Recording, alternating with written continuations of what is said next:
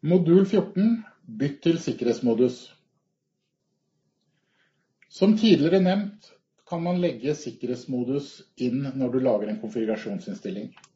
Du kan også gjøre dette manuelt per enhet. Vi ser her at eh, hengelåsen er åpen, og kommunikasjonshubben er ikke i kundemodus. Jeg tar da kontakt med lås først. Endrer til kundemodus.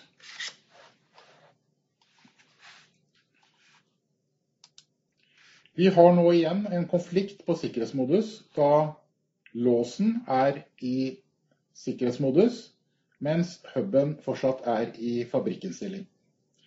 Jeg tar neste lås, endrer denne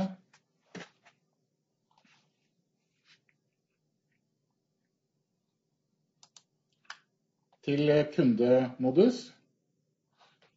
Gjør det med den siste låsen.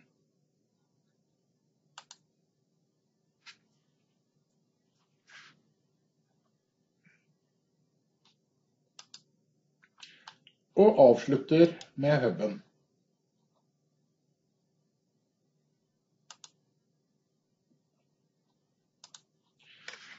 Nå er anlegget låst på kundens unike krypteringsnøkkel.